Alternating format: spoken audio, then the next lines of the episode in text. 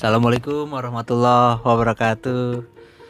Balik lagi bersama kami ada Azam dan Haikal di sini. Halo, halo. Balik lagi bersama Transport Podcast di tahun 2021 ini. Eh, kira-kira nih udah akhir Januari ya, udah awal tahun udah udah kelar nih. Udah masuk Februari ya kan. Iya. gajian udah luncur nih. Awal tahun gajian insya Allah lancar lah ya dan ya pandemi ini cepat berakhir. Oke eh, kali ini kembali lagi di episode ke 52 kali ini. Kita mau ngobrol-ngobrol perkapalan nih. Iya, perkapalan kan transportasi ya. Iya. cuman kita nggak pernah ngulik. Nggak pernah ngulik nih cuman ya ya udahlah. Eh, yuk aja lu. Ayo. kita mohon maaf masih newbie ya newbie Baru nyemplung kita. ah iya ya kan kapal di laut pak Oh iya, Udah nyemplung bener, juga. bener. Oh, nyemplung kita. jadi kita menjadi kapal gitu Oh, nyemplung iya. ya. Eh, ya kali ini kita mau bahas kapal ya cuman eh, kali ini kita mau kayak ala ala on the spot nih tujuh kapal-kapal gitu ya karena masih newbie ya gitu aja lah ya Iya. ya kita mau mau jelasin eh tentang jenis-jenis kapal nih. Nah, mudah-mudahan eh ini episode bermanfaat buat kita semua lah ya dan para pendengar Transbro and Transis. Semoga eh, yang dengerin dapat ilmu, dapat manfaat dan juga ya bisa di-sharing lah. Gitu. Oke, stay tune langsung nih. Oh iya, bentar. Apa ini? Transpro dan Transis bisa juga kok. Misalnya kalau materi dari kita di episode ini kurang atau ya ada kesalahan bisa koreksi. Bisa Doi. DM kami atau enggak kirim ke email kami. Apa Siap. namanya?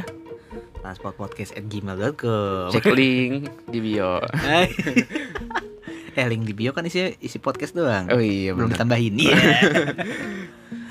Oke, langsung jam. Eh, lu mulai dah. Jadi yang pertama tuh ada jenis kapal barang. Ya jelas nih. Kapal barang atau kapal tanker sama ya kira-kira ya. Iya, sama kayaknya. Heeh, jadi gimana tuh? Jadi kapal barang nih adalah kayak kapal apa ya? Berukuran besar, Jelas. jelas banget kan besar ya. Terus fungsinya itu eh, dalam distribusi pengangkutan barang dalam jumlah yang besar dan secara massal. jadi sih banyak kan ya kontainer-kontainer ya kan. Nah kan kapalnya besar juga. Betul. Kayak tongkang gitu lah. Terus mau tahu ini banyak di mana umumnya? Oke. Jadi kapal jenis ini tuh umumnya ditemukan di pelabuhan. Ya, jelas lah, Pak. di Iya, Priuk sono, Ya. di apa yang baru nih Patimban. Mm, Cilegon banyak tuh. ya Cilegon lagi. Merak tapi nggak ada, Pak. Beda cerita. Ntar ada Oh, lagi. Iya iya kita Kita segmen. Jadi ini eh, kapal barang tuh jenisnya banyak. Hmm. Salah satunya adalah kapal peti kemas. Ya, oke. Nah, ini kapal kargo yang angkut muatan dalam kontainer berukuran standar. Sandarnya tuh pasti juga gede ya, Pak. Iya, pastilah. ya, terus terus. Jadi peti kemas diangkat ke atas kapal menggunakan kren, Iya, yang yang yang gede-gede itu yang di Iya. Tuh yang kadang Ha-ha. buat. baik yang ada di ada di dermaga Hah? atau yang ya terdapat di kapal itu sendiri. Oh iya kayak macam tower crane gitu ya. Pernah lihat sih, pernah lihat di Priuk. Ah, lumayan priok mulu kan. Eh ya, itu kan kalau mau ke itu, Pak, mau ke kuliahan. Oh iya. Tapi kan nggak sampai situ juga, Pak. Terus kapal peti kemas ini diklasifikasikan kayak ke beberapa kategori Apa tuh? berdasarkan kapasitasnya. Hmm, oke. Jadi ka- kalau gede kecil gitu tuh ada kategorinya gitu ya. Iya. Nah, ada fakta ada fakta juga. Jadi pada tahun 2019 tercatat Hmm. kapal peti kemas terbesar dimiliki oleh OOCL Hong Kong. Oh, kayak gue tahu tuh kontainer-kontainer yang OCL warna abu-abu terus ada eh, bunga Hmm. Hong Kong itu warna merah sama tulisan OCL dia tahu-tahu. Berarti ciri utamanya bunga ya. Iya di kontainernya gue inget sih gitu. Oh, iya. Ada Myers, terus apalah itu yang pink tuh one apalah itulah.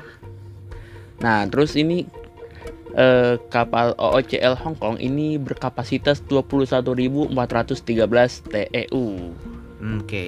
oke. Jadi terus panjangnya itu 399,87 meter Hmm.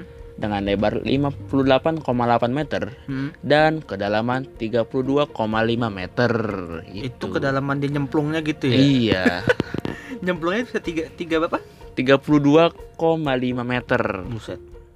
Wow. Masih gak habis pikir gua. Sama. Oke oke. Lanjut nih jam. Eh yang kedua ada kapal tanker minyak ya. Bawa minyak tuh ya? Iya. itu dong apa ju- juragan minyak apa? Nggak gitu, Yang-. Nggak gitu konsepnya. Jirigen jirigen. ya kapal tanker minyak tuh ya buat ngangkut minyak jelas. Lalu ada dua jenis juga nih. Ya ada yang mentahnya, ada juga yang mateng. Jadi ada yang produk tanker, ada yang crude tank carrier gitu. Kalau crude palm oil tuh CPO itu minyak sawit beda. Nah kalau yang men- mentah nih, dia tuh eh ya tadi tuh yang belum disuling dia angkut gitu. Lalu kalau yang produk tanker ini eh dia dari misalnya dia ngambil dari kilang minyak atau yang sudah di ref- refinery, refinery itu penyulingan ya atau pemurnian segala macam lah. Nah, ukurannya tuh juga bermacam-macam tuh. Ya kalau lihat dari sumbernya sih dari US Energy Information Administration eh tuh ada di London Tankers Brokers eh tahun 2014 tuh ya banyak banget tuh ukurannya. Nah, ukurannya tuh bermacam ragam ya. Terus ada yang berapa kali berapa gitu. Nah, kalau kapal tanker minyak ini kalau yang crude oil yang pengangkut minyak mentah ini lebih gede ukurannya gitu loh. Nah, ya kalau dilihat-lihat mah eh kalau ini bocor ya itu repot ya Sangat. tenggelam atau enggak kebocoran gitu tuh ya kan jeder lautnya kotor ekosistem Mm-mm. terancam gitu ntar di itu di apa di di sama Greenpeace di itu biasanya diprotes Iya. sama aktivis Greenpeace ya gue sih juga dukung sih ya namanya juga ekosistem sih Kita harus dukung lah. nah lanjut jam Selanjutnya salah satu jenis kapal barang yaitu kapal pengangkut barang curah. Oke bukan curian Curah-curah. ah betul Saailau. Jadi kapal barang ini berfungsi itu untuk mengangkut barang-barang curah. Ya kayak batu bara, semen, oh iya ya biji-bijian, biji logam dan lain sebagainya. Mm-mm. Ya kayak batu bara yang gede banget kan terus numpuk batu baranya hitam-hitam gitu Iya, yang suka di mana ya Ampera terus di Sungai Kapuas ya mm-mm. kayak gitu ya Nah, jenis kapal laut ini memiliki palka atau kayak atau apa ya sebutnya rongga-rongga kargo yang terpisah. oh ya di, di itu ya di sekat-sekatin itu ya Mm, betul. Nah, selanjutnya jenisnya itu ada kapal pengangkut barang berat. barang berat Iya, Mm-mm. Tadi kalau curah tuh bukan curah mor ya bukan. Curanmor itu. Curanmor. Aduh, abang ini. ya terus terus Nah, kapal pengangkut barang berat ini jenis kapal yang dirancang itu untuk mengangkut barang dengan ukuran yang yang ya melebihi ukuran kapal tersebut. wah itu nggak overload apa pak Emang gitu kali ya. ya bisa jadi Barang yang dibawa eh, dapat berupa bukan, Bang. oh apa tuh Jadi barang yang dibawa berupa peralatan kilang minyak oh atau iya. bawa kapal besar lainnya. wah kapan beranak namanya pong Oh iya kali ya. kalau yang kalau tadi yang kalau yang di pertama tuh contoh kayak bawa kereta eh, rolling stock itu masuknya beda ya ke kapal yang ke kapal barang kayak kontainer gitu-gitu ya Iya, itu. mobil sport segala macam ya kan taruh kontainer Mm-mm, betul. nah kalau ini kayak misalnya bawa apa turbin ya Turbin, iya. kayak lu tau gak sih cerita yang Purwakarta Oh, yang mau bikin jatiluhur iya. jatiluhur dam dam waduk luhur tuh itu kan dari Priok bawa kapal isinya turbin terus diangkut sama kereta, Sama kereta. Heeh, tapi dibikin jalur baru kan Mm-mm. tapi kita nggak bahas kereta kita bahas kapal Lagi bahas kapal kita nih. terus terus Tempat kargo di kapal ini tidak dibatasi oleh pagar. beleberan terus. Jadi terus sehingga memungkinkan barang bisa diangkut dari arah mana pun. Nah, ad- tadi kan kapal barang-barang ya semua. Sekarang ke kapal penumpang. Jadi klasifikasinya tuh kalau di biologi itu masih apa ya? Ordo ya. Iya. Eh dari kingdom terus habis itu apa lupa gua. Gue juga lupa. Ya lu lu kan masih pelajar, lebih inget. Ya itulah pokoknya lah ya. Nah, kapal penumpang nih. Nah, kapal penumpang itu eh ya dia pasti bawa penumpang yang jumlahnya gede gitu. Nah, jenis-jenisnya tuh dibagi lagi ada kayak kapal pesiar. Nah, kapal pesiar kan pernah tahu lah cruise ship, cruise ship yang mewah, ada kasino, ada poolnya, terus ada apa namanya? bioskop, terus segala macam deh yang hmm, mewah-mewah. Jadi lu kayak bisa staycation di situ di atas kapal, nggak usah ke mana-mana. Padahal mah kayak tujuannya nih Jakarta ke misalnya mana Singapura, tapi naik cruise ship lima hari gitu kan di Berarti situ. muter-muter dong. Ya, tapi ya nggak muter-muter jalan tetap jalan, cuman ya kita di situ dimanjain sama fasilitas-fasilitas yang wah gitu loh, mewah. nah itu kan banyak juga cerita-cerita ya kan kayak di film-film Poseidon terus Tetanus eh, Titanic sorry Titanic bang.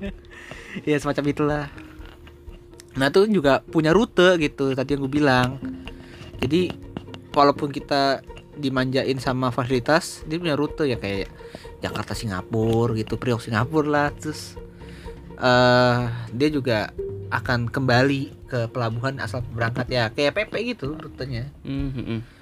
lalu nah ada fakta nih kapal pesiar atau cruise ship terbesar di dunia itu namanya Symphony of the Seas. Nah beratnya itu sekitar hampir setara dengan 42 200 ekor gajah Asia. Gua nggak tahu tuh kalau tuh gajah Asia segitu kalau gajah Afrika gimana? Nah, berat benar berarti ya? iya. Kalau gajah bengkak nggak tahu. Oh, iya.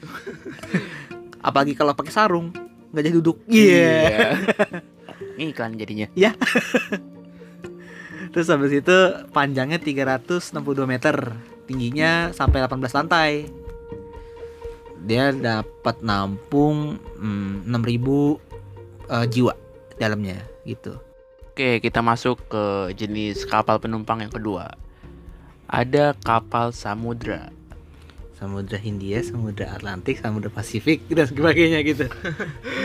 ya itulah pokoknya. Jadi kapal samudra cenderung mirip kayak kapal pesiar, Nah, tapi dilihat dari fasilitasnya. fasilitasnya sama gitu. Tapi tapi Mm-mm.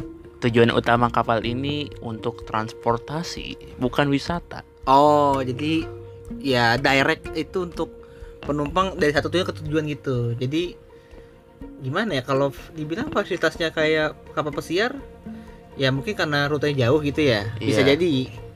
Cuman eh, nggak se- semewah itu gitu. Tetap gimana ya dibilang ya? Mungkin ya tetap pada tujuan itu gitu. Nggak ya langsung ke rute tersebut gitu ya. Bisa jadi ya. Bisa Iya, jadi. Kayak kita sotoy. Terus Jenis kapal ini mengangkut penumpang dengan rute dari suatu pelabuhan laut ke pelabuhan lainnya mm yang terletak di seberang samudra dengan terjadwal. Oh, oke gitu gitu. Dia punya jadwal sendiri Iya, gitu. jadwal sendiri. Mm-mm. Kita masuk jenis yang ketiga nih. Oke, Ada kapal ferry. jelas. Ferry Mariadi itu artis beda. Kapal ferry itu kapal transportasi jarak dekat. Mm-mm, nyebrang. Iya. Mengangkut penumpang beserta kendaraan. Iya. Ada apa aja bis, truk, Motor, motor, mobil. Udah itu doang biasanya. Eh, iya, apalagi. Mobil binatang, eh bisa juga. Eh, bisa juga sih. Nah, Emang mau pindah taman safari pak? eh, nggak boleh bang. terus terus. Kapal penumpang jenis ini digunakan untuk ya sarana penyeberangan antar laut, Ah, ah, antar selat lah. ya antar laut, pulau, dan sungai. Oh ya, yes. berarti di call sama kalau di kita tuh ASDP ya kan? Itu kalau Danau Toba, ASDP Kapal feri juga. gitu kan? Heeh. Tapi ASDP kan kalau kita ngomongin badan ASDP itu ya PT itu ya. Iya. ASDP nggak cuma ngomongin peri doang. Dia eh, angkutan sungai dan perairan ya ya udah misalnya perairan kayak perairan danau ya itu. Mm-mm. jadi jenisnya bisa kapal penumpang biasa atau kapal feri. Ya kan kalau fe- feri itu bawa kendaraan ya lebih tepatnya mengangkut kendaraan juga kan lebih tepatnya. Iya benar. jadi kapal juga bentuknya lebih kecil gitu kan lebih ramping terus ya bawa kendaraan.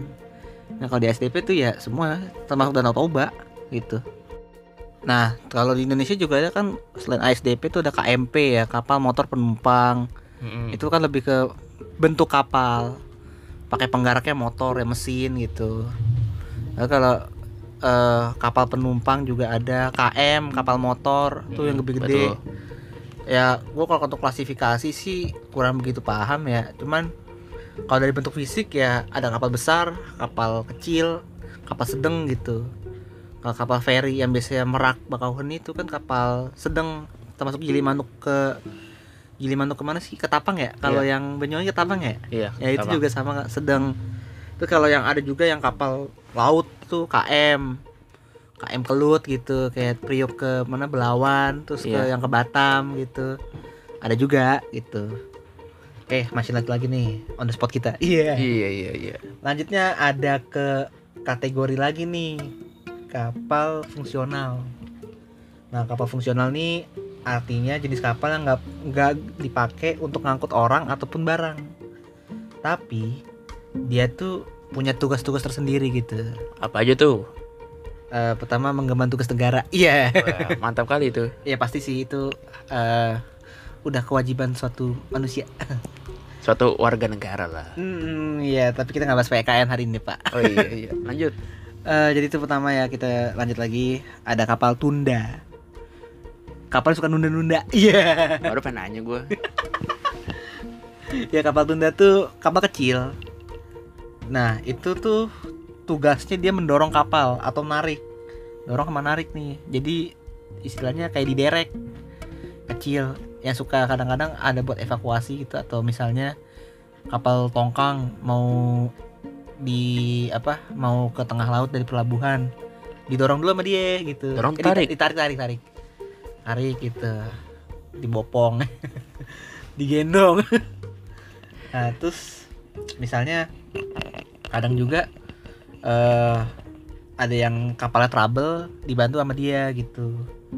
Bentuknya kan lucu gitu. Kayak yang biasanya tuh kayak apa ya kapal-kapal inspeksi itu yang yang polisi gitu. Cuman agak agak gedean dikit. Yang kalau di film-film suka ada warna merahnya bawahnya tuh. Kayak Iya, hmm. kayak bentuknya kayak boat gitu. Nah kapal tunda tuh juga sebagai pintu pelabuhan gitu. Itu juga kadang jadi kapal penyelamat. Nah untuk mesinnya sih dia juga ada mesin pakai mesin uap nih. Sama diesel. Ya kayak diesel sama sama uap ya bedanya ya kalau uap kan ada itu ya cerobongnya ya. Iya di Cerobong. ya diesel juga ada sih sebenarnya cuman ya mesinnya beda lah. Kalau mesin diesel pasti motor. Nah terus eh, paling sih kalau kapal tunda ini ya lebih banyak nolongnya sih gua lihat-lihat. Kayak nolongin kapal yang ketumpahan eh, minyaknya tumpah gitu kapal yang kargo atau kontainernya tumpah gitu sih jam. Iya. Jenis kapal fungsional yang kedua tuh ada kapal derek, crane ship. hmm oke tugasnya Jadi- apa Kapal derek ini kapal raksasa yang dilengkapi dengan beberapa derek raksasa pula. Mm-mm. Terus tugasnya tuh untuk angkat barang berat oke atau bantu pekerjaan konstruksi di lepas pantai. Oh di offshore ya ya kayak misalnya di kilang minyak gitu ya. Iya, Terus terus. Ukuran kapal nih, ukuran kapalnya itu karena kapal ini berfungsi untuk mengangkut barang berat. Jadi ukuran kapal derek bisa mencapai ketinggian 100 meter. Oh tinggi banget. Seriusan lu? Serius? Belum pernah lihat sih jujur. Ah mungkin emang kalau misalnya bawa dereknya, dereknya kayak derek-derek yang di darat gitu ditaruh ditempel gitu ya mungkin bisa jadi ya sih. bisa jadi. Lalu lalu. Crude carrier-nya itu kapal tanker ini mengangkut crude oil atau minyak mentah. Oh iya ngangkut bener ya kan di kilang-kilang gitu kan? Iya. Iya iya. Ya lanjut lagi kapal fungsional yang ketiga nih ada kapal pengebor. Ya. Ngebor tuh ya. Heeh. Dia ada ada ada drill mesinnya ya untuk ngebor apa dalam tanah gitu. Gue juga belum pernah lihat sih. Nah tapi ini eh pengertiannya tuh kapal yang dilengkapi dengan peralatan pengeboran. Fungsinya tuh untuk eh, ngebor minyak atau batu bara ataupun sumur gas di perair- perairan ataupun di laut. Perairan di sini maksudnya kayak danau gitu. Yang misalnya punya itu sumber daya alam di dalamnya gitu. iya Nah, cuman ya ini sih orang-orang orang-orang teknik sih pasti lebih paham ya. Kalau gue sih gue bukan anak oil and gas jujur ya, bukan anak oil and gas jadi kurang begitu paham. Tapi kalau gue lihat-lihat sih kapal pengebor ini sih jadi tugasnya ya ngebor doang, nancepin nancepin ini nih, istilahnya kayak nancepin bendera, iya nancepin titik, Mm-mm. habis itu lanjut bikin kilang gitu jadi untuk hal eksplorasi lah baru ntar eksploitasinya ya itu kayak halnya offshore kilang minyak dan Iya. segala macam nah habis itu juga ada kapal pengeruk. Itu biasanya ngegali ngegali bawah laut tuh. Kapal pengeruk tuh eh misalnya nih lu tahu reklamasi kan pulau reklamasi? Iya tahu. Itu kan dia ngeruk dia tuh ada ada kayak bekonya gitu beko. Mm-mm. beko sebenarnya sih. Jadi eh dia ngeruk pasir lalu abis itu disemprot lagi pasirnya jadi bikin kayak daratan jadi gundukan-gundukan jadi bikin daratan baru. Kayak begitu sih kapal pengeruk tuh. Lebih banyak dipakai buat reklamasi. Ya di Jakarta sih reklamasi ya ya lu tahu itulah. Di Makassar terus di eh, pantai-pantai Pulau Jawa sisi utara juga banyak. Lalu di mana tuh? Lamongan contoh, contoh salah satu contohnya. Kendal terus di Patimban terus eh, pelabuhan Kijing di Kalbar. Ya karena lu tau lah eh, kondisi geografis di Jawa sisi utara dan Kalimantan sisi selatan tuh dulu kan dataran ya Sundaland itu. Mm-mm. terus di Makassar juga ada sih. Ya mungkin itu sih eh, tentang jenis-jenis kapal yang bisa kita sampaikan di sini. Iya bener. Ya kurang lebihnya sih mohon maaf ya oke kita akhiri episode ini. Wassalamualaikum warahmatullahi wabarakatuh